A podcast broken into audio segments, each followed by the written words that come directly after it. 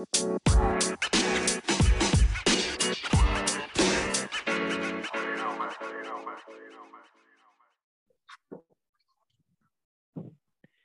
hei og velkommen til en eh, ny episode av Jordbrukspodden. I dag har vi vært så heldige å fått med oss en eh, spennende gjest fra Valdres. Så vi ønsker hjertelig velkommen til deg, Knut Harald. Du, kan ikke du si litt om jeg Ellers, men hvor er det hen i verden, og hvor er det du har gården garn hen, og hva er det du driver med på, på gården din? Ja, takk for uh, invitasjonen. Det her uh, blir uh, morsomt og interessant å være med på noe uh, sammen med dere to karatene, så det blir fint. Nei, jeg er gårdbruker i Skrautvål i Valdres. Det ligger Gården min ligger ca. 5 km fra Fagernes, og det er, hører til Innlandet fylke. Ganske midt i landet, som er er eh, under kategorien fjellandbruk. Så, Hvor høyt over havet snakker vi da? Er fem, nei, det havet gården min er på 540 ca. Mm. Det er for dem, som, eh, for dem som ikke kjenner det så godt, så det klyver jo ganske greit i bakkom etter Fagernes oppover mot oppover mot Skrautvål, gjør det ikke det? Så det er mest som ikke noen lange, flate jorder og, og slik, hvis en kan beskrive litt åssen det er i Skrautvål? Ja, nei, det er ei gammel eh, fjellbygd da, som, eh, som det er bratt og veldig mange små skifter. Det Historisk er jo tilbake helt fra den gamle tida. Mm. Og det er jo det prega av veldig mye Spredte skifter. Eh, bruka er langt under gjennomsnittet i landet. Det er eh, stølsdrift, det er en god del utmarksbeiting. Eh, jeg har noen tall her nå, så får du undersøke litt. Da. Så i Valdres, da, det er jo seks kommuner med Det er jo naturlige sentrum med Fagernes. da. Det er jo, eh, ja. Men iallfall så er det Vi har hørt med statsforvalteren der er det 77% av verdiskapningen i Valdres det kommer fra melkeproduksjon. Det er jo noe av landets eh, høyeste som er. Mange prosent var det du sa? 77. Såpass, ja.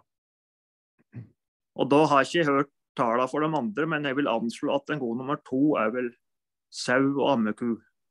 Vi har nesten ikke noe køddenproduksjon. Eh, svineproduksjon eller kyllingproduksjon er ingenting av. Det er én som driver med egg, tror jeg. Hmm. Så um,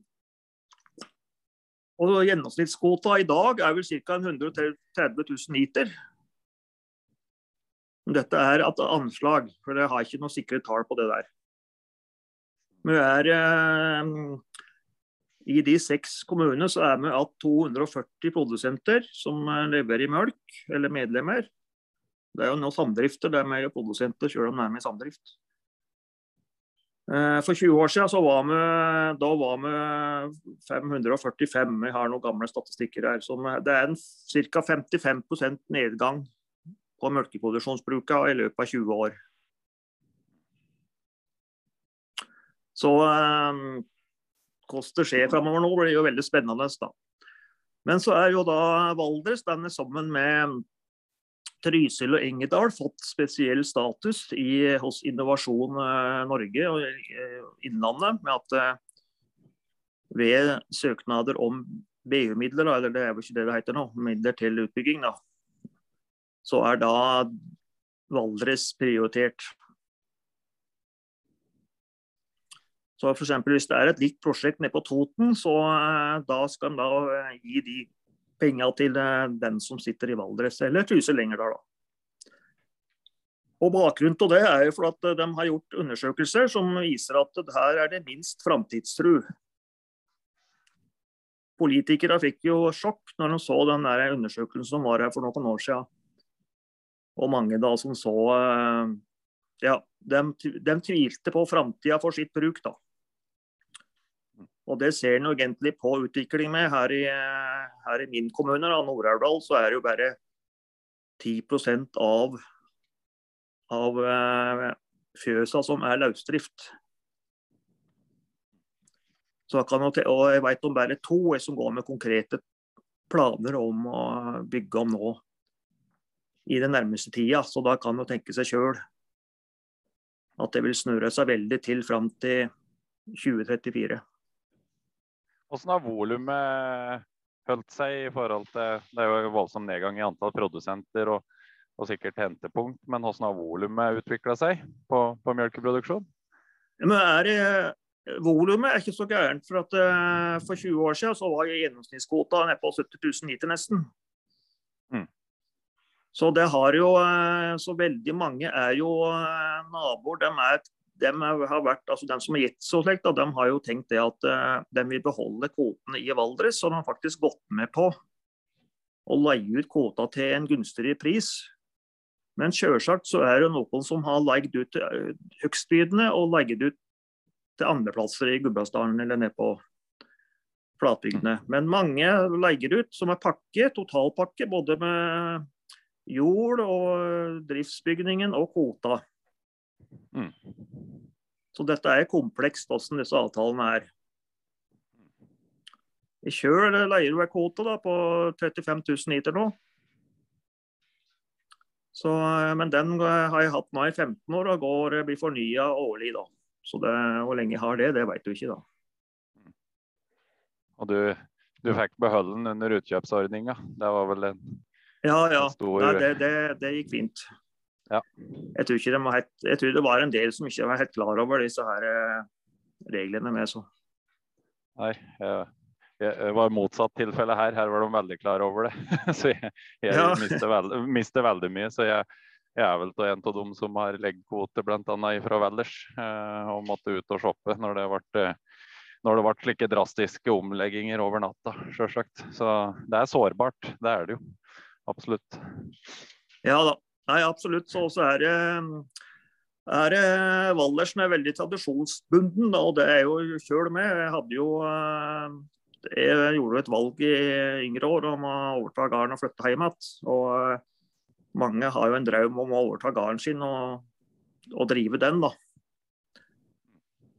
Så um, ser jo at det er jo kommet en del nye fjøs da, med yngre folk da, som er fulle av uh, pågangsmot, og det er imponerende. da.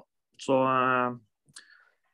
vi som har vært i tralten 50 pluss, kan du si, vi ser jo dette her. Vi kjenner seg alltid den yngre som kommer etter, da. Men de har jo en knallhard akkord, så hvordan dette vil gå, det er jo ingen som vet. Hvordan er det for din, din, produksjon i dag og framover i tid? og hvordan er situasjonen ja, for din dag? Som sagt, da jeg overtok gården i, i 93, og så dreiv vi som faren min gjorde. da, og uh, Dro opp siloen med, med, gaffel, og så kjøpte kjøpte var en silograbb. Mm. Rundballene kommer så fort inn i Teknologien kom i 2000 ca. Og da gjorde jeg et valg med, i forbindelse med at faren min han uh, var utsliten og takka for seg og gikk, avgikk med døden. Og så Eh, da renoverte hele fjøset i 2001-2002. Med mm, reiv ut alt og inn med nytt. Nytt mølkerom, smittesluse, lasterampe. Eh, hadde vel 15 låser da, nå har jeg 18. Og i 2004 da kom jo som sagt, som alle vet, løsdriftskravet. Det var jo Sponheim, Sponheim som uh, eh, jobba innenfor det. Så, uh, men jeg var jo klar over det at det vi som hadde gjort bygd om fjøsa våre ti år før. Vi hadde jo et, på en måte en amnesti fram til 34 uansett. Så kom jo denne her uh, flyttingen til, fra 24 til 34 for noen år siden. Men her, her og med, da, så er jo har jo ei datter, da, hun går på universitet, så det er jo tvilsomt om hun uh, kommer til å bli noen gårdbruker. I hvert fall ikke med melkeproduksjon. Så jeg kommer til å drive på mitt, med mitt volum til jeg blir pensjonist hvis ryggen holder. Mm. Men, men, det har jeg det helt greit med, for at uh, det har jeg innfunnet meg med. Så slik er det. Nå, er, nå merker jo det at jeg begynte arbeidet arbeid når jeg var 17 år, som nå er jeg jo snart 60. så merker det på ryggen at det, det har kosta dette her med så mye arbeid. Så det er helt greit. Jeg leste et begrep at nå kan du ta ut avkastningen de siste åra. Så jeg er jo sånn her avviklingsbonde, som noen hevder, da, men Ja, ja det stiller oss litt opp til veggen der. Nei, ja. Ja. Nei, men det er, jo, det er jo Du beskriver det jo, beskriver det jo egentlig veldig godt sjøl, holdt jeg på å si. Men uh, det er jo på en måte hva, jeg merker egentlig på meg sjøl at det er vanskelig Én ting er jo det å ha noen som skal ta over, en annen ting er jo rett og slett det å faktisk få tak i noen som, noen som kan eh, arbeide eh, for en i landbruket. For vi eh, tenker at vi, vi, er nok ikke på de, de beste tilbydere i forhold til vilkår for de som skal jobbe for oss. da. Vi seiler litt akterut i forhold til andre næringer i distriktet, kanskje. Så, ja da. Jeg vet, vet ikke nei, da, nei, altså, det, du, du, har helt rett til det, så, men jeg er nok litt utradisjonell. da, for at uh, Jeg har satsa på sommermelk mye, og det er fordi at de har veldig mye beiter. Og vi er også med på fellesdøl om sommeren. Mm. Så jeg har, uh, og Nå er, skal jeg levere melk i 14 dager til, og så tar jeg da melkefri i to måneder nesten. Mm.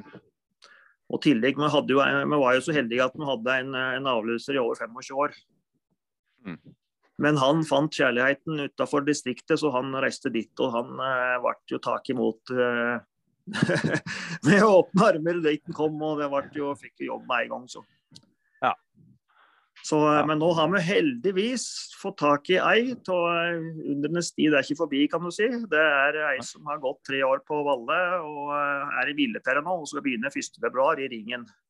Ja og SUS fem melkebønder. Så det er, eh, det er, veldig positivt. Og vi er klar over det, at vi antageligvis må tilby å ha høyere lønn enn det som er i, i tariffen. Mm.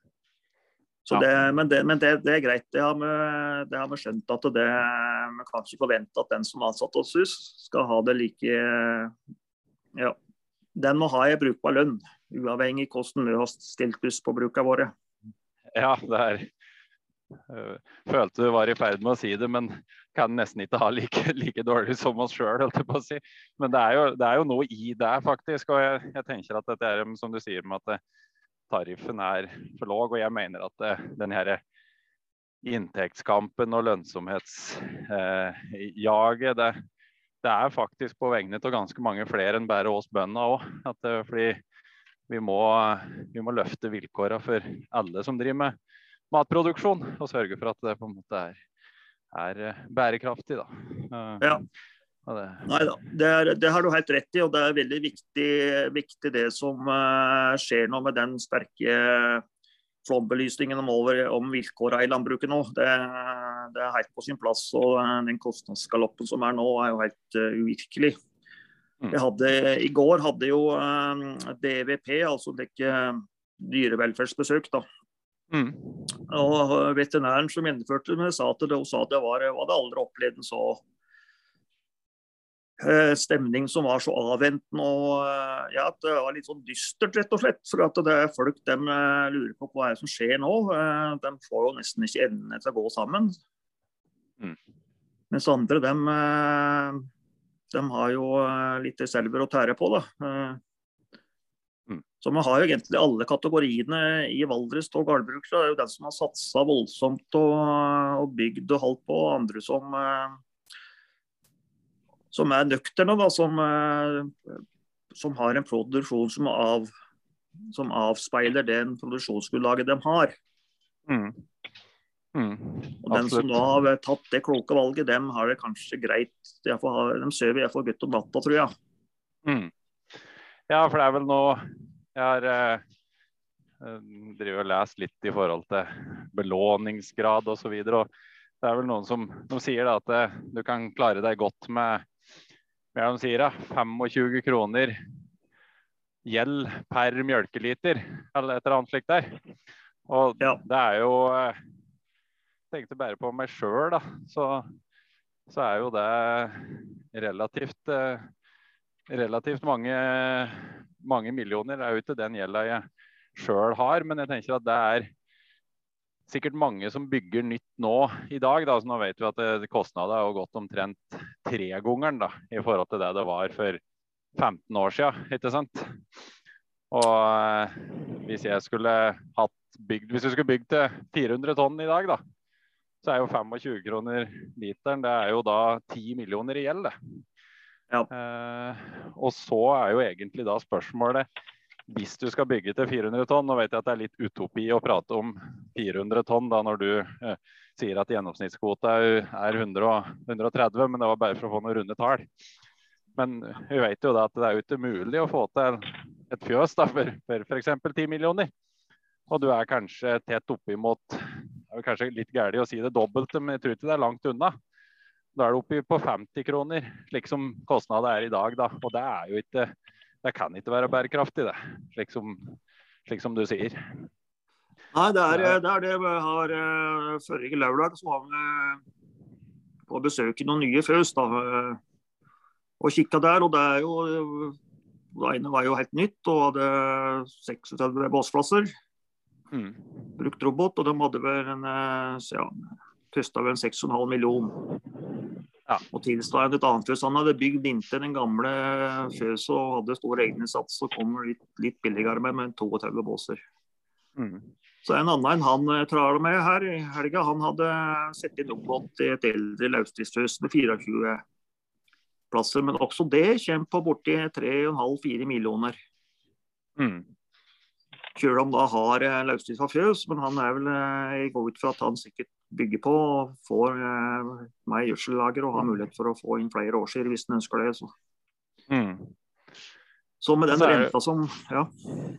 ja, nei, det er jo det, ja, som renta, som du sier, som du var i ferd med å si. Og så er det dette med, eh, slik som det høres ut som på, på produsent, eh, antall produsenter som har gått ned hos Stikkå. Og det er jo jevnt, det reflekterer jo egentlig landet i sin helhet. Men så er det jo slik at vi prater om dette her ressursgrunnlaget til garn.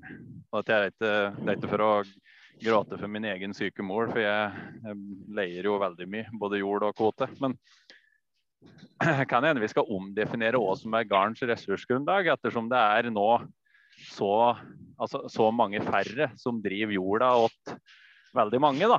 At, eh, at en må ha en eller annen Hva er det, hva er det du tenker er på en måte bærekraftig? slik ressursgrunnlag til garn da, når en ser på mange som legger ned over tid? Jeg tror at dette er veldig personlig avhengig. Mm. Også hvor du er i livet. og du har jo, Om du har eh, kårfolk som er ressurser, eh, om du har, eh, om du har flere barn som vil overta. Det er jo, har jeg hørt om den som en som er oppi her som hadde tre sønner og alle ønsket, seg, ønsket å overta. Så det er jo, det er jo det med en ressurs, de menneskelige ressursene, er det aller største. Så da men jeg, men jeg er litt opptatt da, jeg tenker på meg sjøl. Jeg er jo opptatt egentlig av økonomi. da. Det som jeg syns er bekymringsverdig med mange unger, at de har jo ikke noe særlig egenkapital. Det er jo dette, I min generasjon var jeg vant til at du skulle spare deg litt penger før du gikk i gang. Mm. Men nå er jo ikke det nødvendig. Nå er det jo bare leasing på alt hvis banken godtar det. Og det er en skremmende utvikling. Mm. Jeg husker sjøl når jeg hadde overtok gården, da var jeg 30. Da hadde jeg med meg 400 000 i egenkapital. Mm. Og, ja. og, jeg hadde spart meg. Jeg drev på anlegg og tjente gode penger. Og og det, det, var verdifullt å ha det. Men den gangen var jo renta rundt 14-15. Toppen var jo inn eh, noen fem år før, da. Ja. Så, det har vært eh, omlegging av skatteregler ja. i forhold til renter og slikt på starten til 80-tallet som gjorde at det ble en del dyrere. Og det var, var ganske tøft mot slutten til 80-tallet og starten til 90. Før ja. du fikk inflasjonsmålet. Nei, jeg, tenker, jeg, tenker, jeg, jeg er for så vidt enig med deg. Du må, du må, liksom spare deg opp en buffer. Jeg hadde, eh, jeg hadde spart nesten 1,5 million når jeg tok over for fem år siden. Ja, tenkt på det. Når jeg skulle kjøpe garn. Ja. Og, jeg, og jeg, er helt enig med deg. Jeg har liksom hatt liksom en sånn en litt lik eh, ja, nøktern tilnærming på at du skal på en måte bygge deg opp litt eh, for å ha noe å gå på. Men så, grunnen til at jeg har blitt så engasjert i dette med økonomien, og slikt, at jeg ser jo at det, jeg, klar, klar, altså, jeg, klarer jo ikke å hevle meg. altså De penga, de forsvinner på en måte da, til den eh, kontantstrømmen som skal inn og ut. Og, og jeg er jo òg nå i en situasjon der jeg eh, ikke investerer i det hele tatt. Eh, men da prøver å heller legge ned de ekstra time om da jeg ser f.eks. på den tolv år gamle fòrroboten min som har gått ganske mange tusen bunter. Som egentlig burde være bytta ut. Jeg fikk vel tips om det fra Felleskjøpet når jeg tok over, at denne var oppbrukt. Men så hm. kjøpte jeg heller et sveiseapparat og, og drev slikt. da. Og det, det, det, går en del uh, arbeidstimer på det der, og da er det jo ikke det, det, blir på en måte Det er ganske mye arbeid i utgangspunktet. så det, det er på en måte et eller annet helt gærent òg. Når jeg syns sjøl jeg da hadde spart veldig mye penger da, for å ta over gard. Uh, og så blir de borte. Ja, men uh, hvis det er fem år siden du overtaket, så går det nok fem år til før du uh, begynner å tjene noe penger. For jeg ser jo det at veldig mange dem de syns det er veldig greit. Eh, altså Det går an å jobbe dugnad i ti år, men etter det så vil alle da begynne å lure på hva er det blir av lønnsomheten. Hva er, det som skjer, hva er det som skjer her hos meg da om fem år, hvis jeg ikke tjener penger nå? Hva er det som gjør at jeg tjener penger om fem år, holdt jeg på å si? Nei, da, det, da må du jo eh, seriøst gå noen runder med deg sjøl og familien da, og finne ut hva du vil gjøre. Om det, om det er verdt det. Men det er klart at det er jo du kan jo være hjemme, og det er jo mange gårdbrukere de syns det som en stor fordel av å ha arbeidsplassen hjemme, selv om de er både på en jobb seint og tidlig. Og det, er, det, det, det ser jo som en felles eh, hos veldig mange. Da, at det, det, er jo livet deres, det er jo livsstilen deres. Det er jo det er, det er deres identitet, det å være gårdbruker. Så eh, det er litt det, det, det, ligger noe der, altså. Ja, jeg er enig i det. Men jeg ser òg på mye av kompisene mine som er ikke Vi har jo fortsatt bygdesnekkere i bygda her. og jeg tror nok de må tenke litt det samme rundt sin jobb, i stedet for å måtte dra på en slik stor byggeplass i, i tettstedet, holdt jeg på å si. Men, men, det er liksom det er noe med det med å Jeg vet ikke om vi Altså, det må da være en eller annen måte som vi kan Du sier jo du prater jo på at du hadde bytta ut eh, høygaffel med silograb på et eller annet tidspunkt. Og det er jo egentlig et sånn godt bilde på kapitaliseringa og hvordan landbruket har blitt mer kapitaltungt. Det er jo stor forskjell på en høygaffel og, og, og en slik silotalje. Men, men, det er liksom noe med de pengene som vi skal få igjen for dette, de har ikke holdt helt i, i stil med den utviklinga. er jo det som en på en måte kan lese ut ifra tallene. Ja. Så spørsmålet er om det er vilje for å betale for det. Ja. Nei da, men uh, det er nok mange jeg tenkte på meg sjøl du spurte med mitt arealhus, uh, Gudnag. Og det er, veldig, det er, jo veldig, mange her i bygda og i nabobygdene. Det er jo veldig mange dyktige bønder som er veldig fram i skoa. Så det å få tak i leiejord her, det er kul mulig. Så du var plent nødt til å greie seg med det her. Og jeg er ikke så veldig glad i å kjøre traktor. Det, Nei. det er ikke det derfor jeg ble kardbruker. Nei, enig. Uh, og, det, og, jeg så jo egentlig utviklingen for mange år siden. Så uh, jeg bytta jo bank. Litt artig. Jeg fant ut at jeg hadde hatt den samme banken siden jeg begynte som, som læregutt når jeg var 17 år. Mm. Da fant jeg kunne ikke ha den samme banken eh, lenger enn jeg hadde vært sammen med kjerringa mi. det var litt sånn eh, flåsete sagt, men i hvert fall så sparte jeg en god del med å bytte bank. Mm. Det er 15 år siden, men da hadde jeg da veldig god eh, ryddig økonomi og fikk et godt tillitsforhold til banken. Mm. Så da alt jeg skulle jeg, jeg, lånte en del penger for jeg skulle, annet så var det noe sånn ja, bergvarmepumpe og litt forskjellige investeringer jeg skulle gjøre her da. Eh, så da eh, fikk jeg en avtale om at jeg kunne betale rente på lånet, men så kunne jeg da innbetale månedlig eh, i aksjefond. Ja. Så det har jeg gjort, Og så satt det inn som en referanse da, 10 000 på den, den høyrentekonto da, for, å se, for å ha det.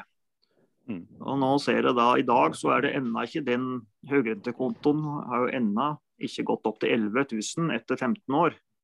Mens de der aksjefondene har jo tredobla seg. Mm. Så da kan du prate om avkastning på kapital. da.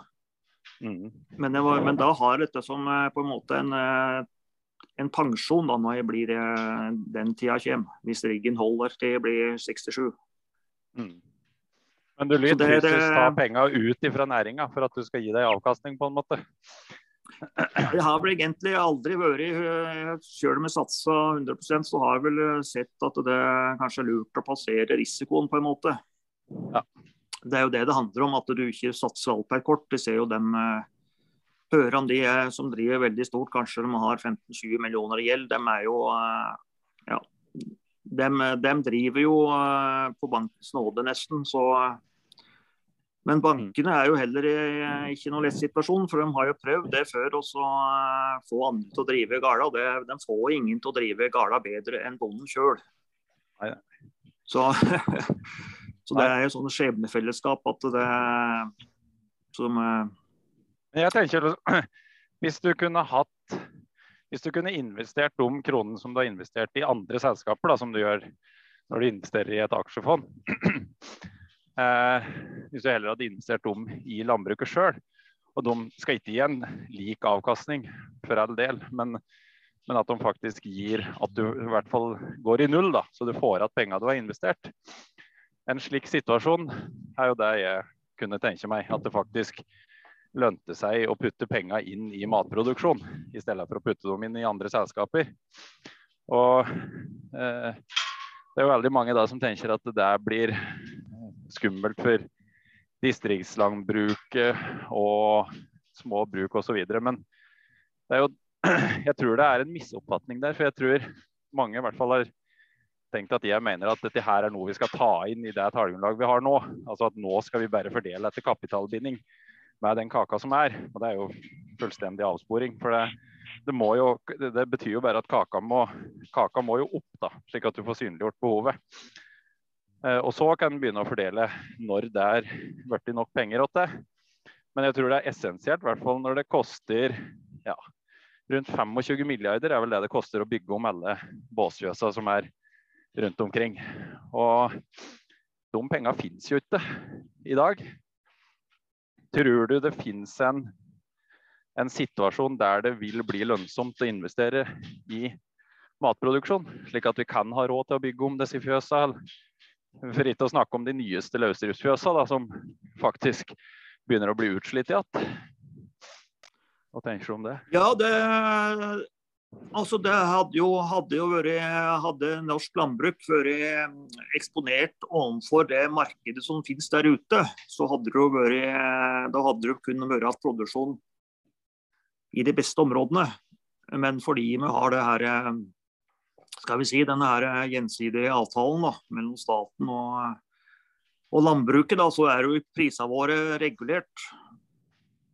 Det er jo bare godt og vondt med det, men uh, jeg tror nok kanskje det at i dag så hadde det, hvis det skulle skje en krise, da, en eskalering av krigen i Ukraina, det kan være ja, det kan være f.eks. En vulkan som eksploderer på Island.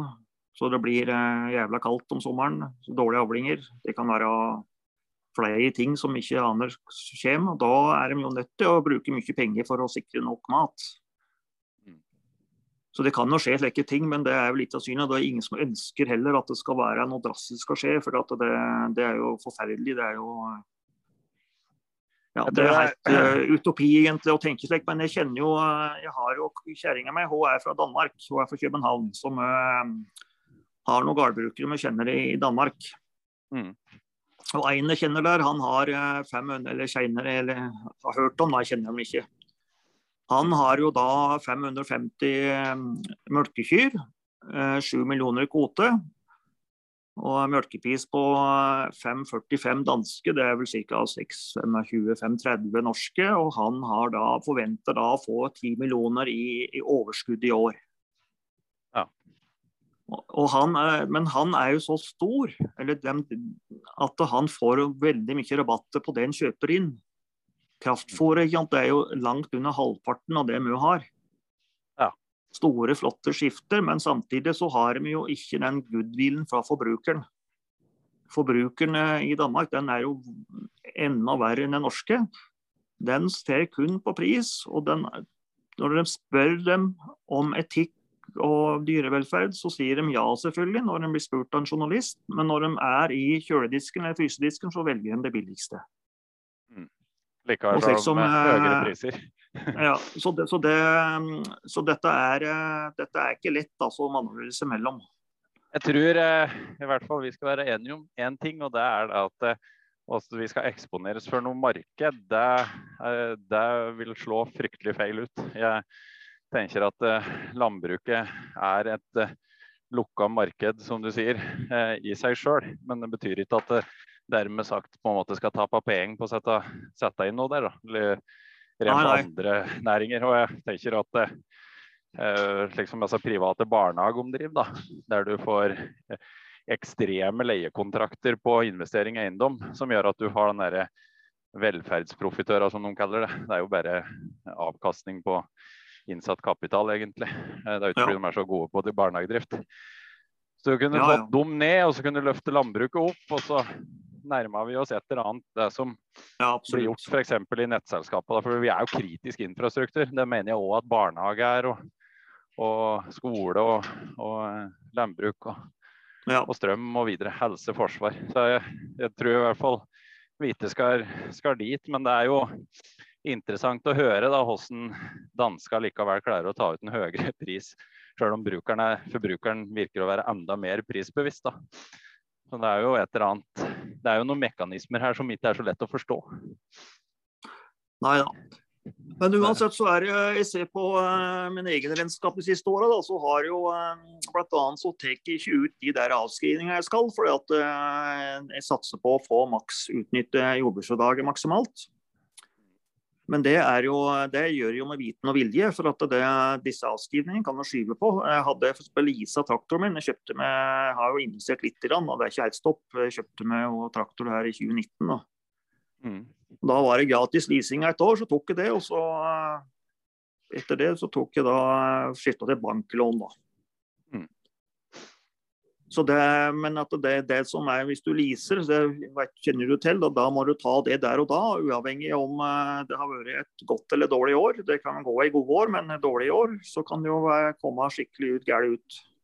Mm. Så, så, er det jo sånn eh, rent bedriftsøkonomisk at hvis du skal klare å reinvestere i noe, da, og du skal ha en løpende produksjon, så må du jo benytte deg av avskrivning om òg, da. Men så er det dette med det jordbruksfradraget, som du sier. Og det gir vel ja, I snitt så utgjør vel det at eh, landbruket har ca. 9000 eh, kroner effekt og det er per årsverk kontra vanlige lønnsmottakere, da, eh, hvis en sammenligner med, med minstefradraget. Ja, du har rett til det hvis det gjelder alle jordbruksbedriftene i, i Norge, da. Men ja. på den, jeg skjønner du henviser til den Grytten-rapporten. Jeg har så vidt skumma på og det er vel i den, så, så vidt jeg skjønner, så er alle melkeproduksjonsbruk med der, da. Ja. Så jeg tror nok at det er veldig mange av dem som, uh, som driver melkeproduksjon i Valdres, prøver å få utnytta den der. Mm. For det er jo skatt uh... på det. Men, eh, men det, det, er, det, er, enig i det at dette er Det bør drøftes om det er rett å gjøre det på den måten her. Mm. Det var vel Berg regnskap som spilte inn det at det var hvis, Full utnyttelse er jo 100% men landbruket i snitt utnytter avskrivningen sine med kun 67% var det vel. Altså to tredjedeler. Ja. Det står jo veldig i kontrast da, til det utsagnet om at eh, bonden velger å ikke overskuddsmaksimere. Ja, ja, ja. Eh, eh, så jeg tror jeg tror egentlig jeg har slik der iboende tillit til at bonden faktisk prøver å gjøre sitt aller beste og prøve å sitte igjen med mest mulig. Jeg vet ikke hva slags inntrykk du har, men jeg, Jo, det er selvfølgelig det, men det, du har rett i det, men det, en ser jo det at det, jeg merker selv at det ikke er 25 år lenger, så hadde en hatt min erfaring med den, den energien jeg hadde når jeg var 25-30, så hadde det jo vært greit, kan du si. da, Men det, sånn, er, sånn er ikke livet. Så, eh, men det, jeg ser jo gårdbrukere med som har vært veldig flinke og har lagt opp til en veldig god eh, produksjon. og Den, den når ikke overalt. De har nok overvurdert sin arbeidskapasitet. Og Jeg vet det også bruk som hadde en del utenlandske arbeidstakere, men den forsvant jo under pandemien. og Mange av dem har jo heller ikke kommet tilbake. Nei. Og, og en ting som er, Noe som irriterer seg mest egentlig over ting, det er det der menneskesynet som enkelte i staten har. da. Ja. F.eks. nå leste dette her at dem som driver med grønnsaker og jordbær på friland, dem får da ikke lov til å la disse her bærplukkere jobbe mer enn en 37,5 timer i uka. Nei. Og de kommer jo hit for å tjene penger. Fordi at det var sosial dumping, og det var ditt og det var datt. At det, dette var jo veldig forferdelig for det hvis en måtte jobbe 50 timer i uka. Mm. Men da tenker jeg på bonden. Hva med han? Altså, er ikke han folk? Hvorfor skal ikke han få lov til å bli sett på som et menneske som også kan ha krav på å ha ja. Jeg har sykepenger og så blir behandla som eh, slik som det er nå har vært i lenge. da, Så er vi på en måte nesten ikke bare bøtten i verdikjeda, men også bøtten av det der menneskesynet. Da, at det blir eh, det samme som bonden som går med han. bare det, om han jobber 100 timer i uka, eller om det, Der er det samme. Men andre, det skal, der er det så veldig viktig. Jeg har vært inne på tanken på at hvis eh, Etikkrådet i Statens pensjonsfond skulle vurdert norsk landbruk som, som investeringsobjekt, så hadde det ikke vært etisk riktig pga. arbeidsvilkåra. og det tror jeg er egentlig litt det som du sier, da. Altså det der med å overvurdere arbeidsevnen sin og slik òg. Og, og, så tenker jeg som så at jeg er helt enig, fordi at vi, vi vet jo at du litt jobber med det alene. Men produksjon tilsier kanskje i forhold til referansebruk at det er liksom her, da. To og et halvt årsverk egentlig. Men eneste jeg klarer å ha med meg, er en i 50% stilling. Og da blir det to årsverk som jeg må ta meg av. Og det er snittet. Og så sier jo observasjonen at eh, alle opplever, registrerer egentlig 90 persentil da, fra Grytten-rapporten rapporterer en og en halv gang mer enn det igjen. Så da sier det seg sjøl at vi, vi, har ikke sjans om å rekke over ting, vet du. Det, det er noe Nei, Skulle ja, hatt er, råd med å sysselsette noen òg. Hvis en, eh, hvis en, på et eller annet tidspunkt ser jo det nå, ser jo nedgangen i bruk at det, det må jo være færre bønder som driver det. Men det er ikke dermed sagt at vi skal være færre som arbeider med det, nødvendigvis. Nei da, det, nei, det skal bli spennende å se. Men eh, jeg ser meg, hvis vi skal se litt framover i tid, da, så eh, jeg ser vi at det eh, Jeg ble spurt litt av Mola med hva jeg kunne se for meg i framtida. Så ser jeg selvfølgelig meg at det skal landbruket ha noe, ha noe legitimitet, eller slik, så må det i hvert fall ikke være mindre beiting med storfe ute enn det det er nå. Og det er ikke bare til fjells, men også nede i bygda. Mm. Og Det er også viktig dette her med at våre bedrifter eh, samvirker. at den, Dette med, eh, med, bærekraft, miljø og dyrevelferd det, det blir jo veldig etterspurt av dem som kjøper eh, varene våre at de er bare plent nødt til å være med og bidra på det der.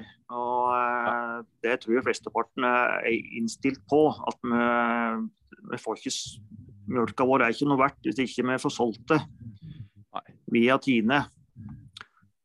Så eh, det er det som er det viktigste, at vi får solgt unna dette her, her vi har. Eh, og være med på det. Og det er hvis en legger god godvilja til, så går det bra. Det husker når den uh, dyrevelferdsprogrammet kom, så var det jo veldig mye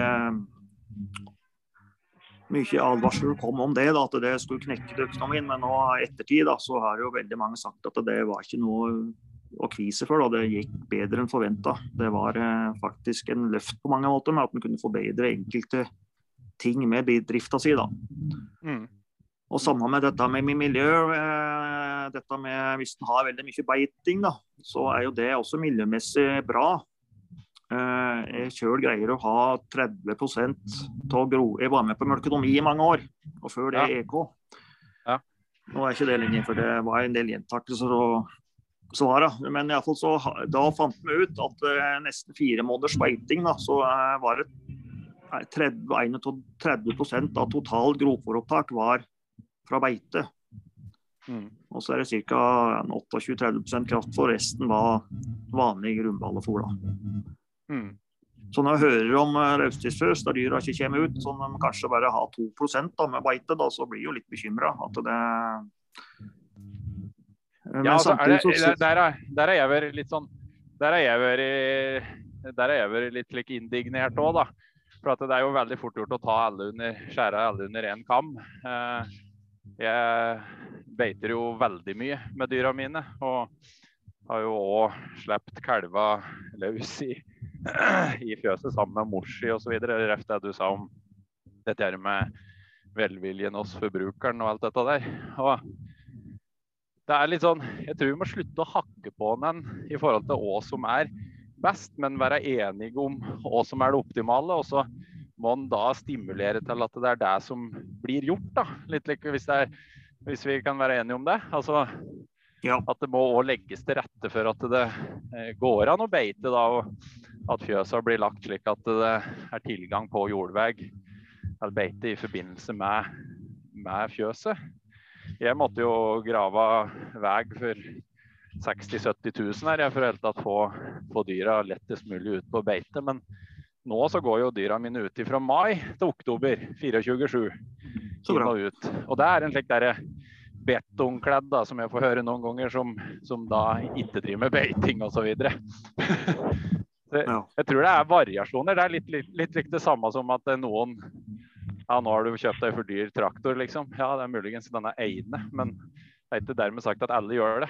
Og det er litt like med den beitinga, tror jeg. For det er jo Ser at det er en trend der en har utvikla seg til at det er mer og mer beiting og i disse her løsdriftsfjøsa, og at en må erkjenne at det muligens ikke har vært så bra, da. Men da har det vært bra å ha fokus på det. Ja da. Nei da, det er klart det, det bor du på Vestlandet. De har jo ikke beiter. Det det er alt det de har til mark blir jo slått. Og de leter jo av dykkerrettene sine om våren og har dem til fells eh, på utmarksbeite om, eh, om sommeren. Og, og samtidig så er det jo mange plasser som har så mye nedbør at det er ikke mulig å gjennomføre beiting. Så det, det, der kommer jo være greit å ha en litt platting. Da, så. Men ellers så ser jeg nå er, jo, nå er det ca. 3300 gardsbruk i Norge som fremdeles er, er båsfjøs. Og Hvis en ser ti år fram i tid, så er jeg redd for det at vi er under 2000 av deg. da, For at uh, ikke, ikke bare Og det er flere grunner. da, Det er jo ikke det er jo slike som meg som eh, skal slutte, da, og som ikke har noen som egentlig vil overta den produksjonen jeg har. Antageligvis så vil jeg vel overta bruket, men jeg vil ikke drive med melkeproduksjon, for det er for arbeidsintensivt. da, Men det, det, ting kan jo selvfølgelig endre seg, det vet en ikke. Så jeg ser ikke bort ifra det, at det, det er under 2000 eh, da, og det er jo Men de er på en måte Altså det, er, det er nesten ting hva skal, skal vi si, det er Økonomien sier tilsier det nesten. Da skal du få en økonomi i en utbygging som har utvidet drifta. Så da er det mange av de der som eh, da gir seg, kan da være med å bidra til den at en får leid eller kjøpt den kvota. Og da er jo dette her inn på denne kvoteproblematikken da, som skal opp, ikke sant. Mm. At det er jo mange som har jo eh, holder på slekt, de har jo ikke pensjon. og da tenker de det at de kanskje kan leie ut kvota og ha litt inntekt på det. da. Så er det mange som er imot det, at det går penger ut av landbruket. da, så det, Dette her er eh, Det er ikke lett, dette her. altså. Så, Hva tror du er eh, hvis, du skulle, hvis du skulle sammenligne Du bytta ut høygaffel med silotalje. Hva er, det, hva er det som eventuelt er datter di si silotalje? da? Hva er det som er hennes investering, tror du, for at hun skal oppleve det som mindre arbeidsomt? Slik det er i dag? Litt lik, det var litt lik svevende spørsmål. ja, ja, kanskje, nei, ja. ja, jeg skjønner hvor du vil. Nei, det, det veit ikke. Altså, det er jo uh, ungdommen det, Jeg sjøl hadde jo frihet til å velge hvor jeg ville, og jobba ute i veldig mange år.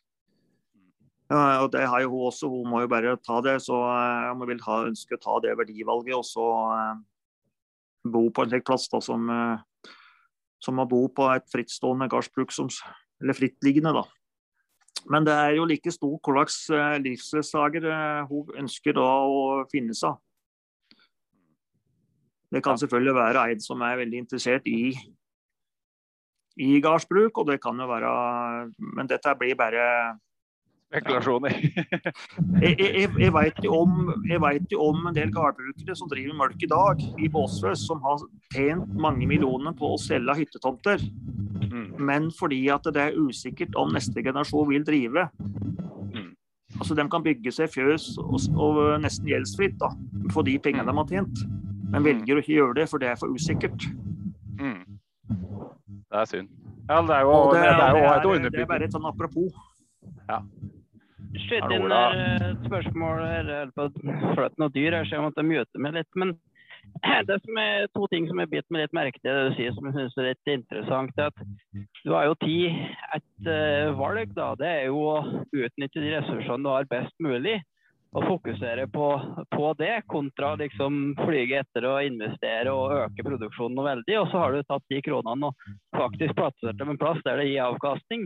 Mens en som har vært i andre situasjonen, og kanskje var det omvendte, da, kanskje dobla areal og besetning, og ikke hatt mulighet til å spåre, da. Du sitter jo i en mye bedre posisjon nå enn han som kanskje arbeider kokt i hjel til seg og ikke sitter igjen noen avkastning. Så det var bare en betraktning, så jeg tror du har ikke gjort det fornuftig Var det ut fra dine forutsetninger. Så skal jeg ikke si noe galt om dem som har gjort noe annet, men rent økonomisk så har nok det vært beste. Og så lurer jeg, Du nevner jo det at dere driver med fellesbeite, og det var jo veldig mye av før. Og når var det den ble lagd, det fellesbeitet? Var det på 70-80-tallet, eller eh, når kom det i, i det? Siste beitesommeren vi hadde 41-årsjubileum nå. Så vi fire stykker der, så er eh, det som er eh, formann i den eh, oppå der. For der ligger veldig mye arbeid på å få det til å, eh, med godt samvær, få det til å gli. Den ligger på 1000 meter. Det er to ganger seks fiskebeinstall. eh, Det blir beiting dag og natt. Stripebeiting. Bruker veldig, veldig mye ressurser for å få tak i røkter. Det har vi lykkes med, bortsett fra et år vi hadde noe som eh, ja, det var noen utlendinger som skulle være så gode, men de var ikke det. Så det, er, eh, det var lykkejegere, så det var Så eh, vi har faktisk, bortsett fra det, greid å ha norske arbeidstakere i alle år. Mm. Så det, men det er krevende på 1000 meter. Det er mjølket år siden holdet. Det er jo ikke mer enn 5 cm med matjord når du tek, eh, tok av jordprøve for noen år siden. Der var det jo eh, ca. 5 cm, og under der er jo det hvite utvaskingslaget og så den rødjorda under. Da. Og det er jo fullt av stein. Så fornying i den grad vi får gjort det, det er eh, brakking og skålherving og såing oppå der. Vi har prøvd noe direktesåing, men det varierer resultat. Det er for det som jeg syns stusser litt over, at før var det jo veldig vanlig her som du gjør, at en leter etter kyrne og faktisk får en rolig fjøsperiode. Mange gjør det jo da om sommeren, men du har jo fellesbeite og da muligheten til å få litt i pose og sekk, både sommermjølk og litt rolig tid på, eh, på vinteren. Så ser en jo når en leser i budskap og sånn nå, så er det jo omtrent alle da som bygger nytt og sånn. De, det er jo kalving hele året. Og jeg mener jo det at hvis du driver et rasjonelt båsfjøs da, og et opplegg som du har, og så går det over til mjølkerobot, men du har kalving hele året og mjølking og inseminering og hele den biten. Ja. Ja, det er noe min påstand at det, det blir ikke noe mindre arbeid, da. det blir kanskje bare mer å følge med på. Har du gjort deg noen Ja tanker om det? Men det er faktisk, jeg vet om tre fjøs som har robot med over 30 melkekyr som er på stølen og melker på vanlig måte der. Så det er eh, også, Jeg tenkte bare for å så Dette med stølsdrift, da. Helt til slutt her nå, så vil jeg ønske også framsnakke litt den, da.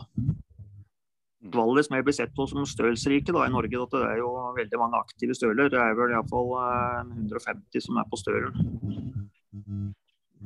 Og eh, det som kunne spille inn da, eh, til eh, partene, det er, eh, det er jo den gamle kulturen eh, helt tilbake fra vikingtida. At eh, vi flytter jo budskapen vår etter hvert som beitene kom til om våren.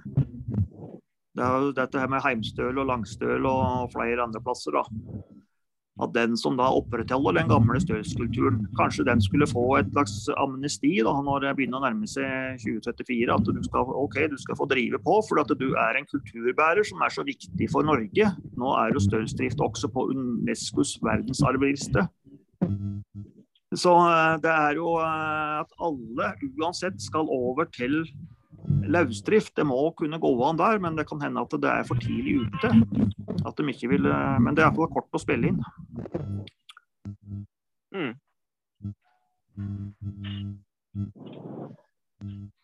Men, det er, men jeg er enig i det at det er flere som kunne utnytte det. At de kunne ha mer sommermelk og kanskje ta disse nærmeste jordene og beite. Og så får de heller da og da kunne de hatt noe mer kroner en mer for literen enn noe sånt der. Også da eh, Men da velger de da heller å lete av kyrne i eh, begynnelsen av august og ha en måned fri der før de begynner å kalve i, i september. For det er det som er eh, Da syns de det er greit å ha tid til det med, og drive med det kalvestellet og ha, stelle dyra alt det stellet om vinteren. For da har de ønninga og alt det som foregår om sommeren, har nok med det, egentlig. Det er den tradisjonelle tankemåten. da.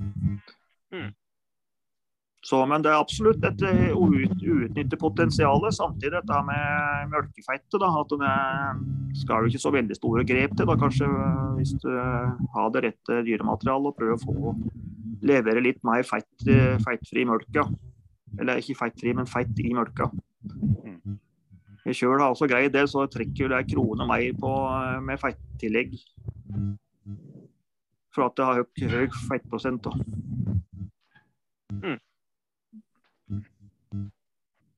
Men jeg er Ja. eh, Ja. Bare fortsett. Ja da. Nei, men nå har det snart gått uh, tid med, så det kan hende lytterne blir det begynner kanskje å bli litt langtekkelig. ja. Men i hvert fall så uh, det var moro å ha vært med. Vi kunne ha prata mye mer. Og uh, jeg vil si det helt til slutt at eh, eh, at det støtter opp eh, om hverandre og holder sammen. Eh, samvirke er det viktigste vi har sammen. Eh, det, er, det, det er SA og ikke AS. Det er viktig å ha med seg. Og så eh, vil jeg egentlig Det er jo 1. desember i dag med. Det går jo fort til jul. Så eh, vil jeg egentlig takke for meg, og så si jeg alle god jul. Hjertelig takk for at du eh, var med oss i dag. Og så ønsker vi deg god jul og lykke til videre med drifta framover. Og så må vi bare si vi håper at flest mulig av de melkeprodusentene blir med framover, så vi ikke får en halvering de neste 20 årene, sånn som vi har hatt de siste 20 årene i Valdres. Det må jo være et eh, juleønske, skulle jeg til å si. Det er eh, det vi alle hopper for, og eh, jeg vet både politikere og andre jobber for det. Men vi er uenige om veien dit, så det, det er slik er det. Mm. Hei, hei. Tusen takk for det at du var inne. Takk. Ha det. Ha det bra, ja. Hei. Hei.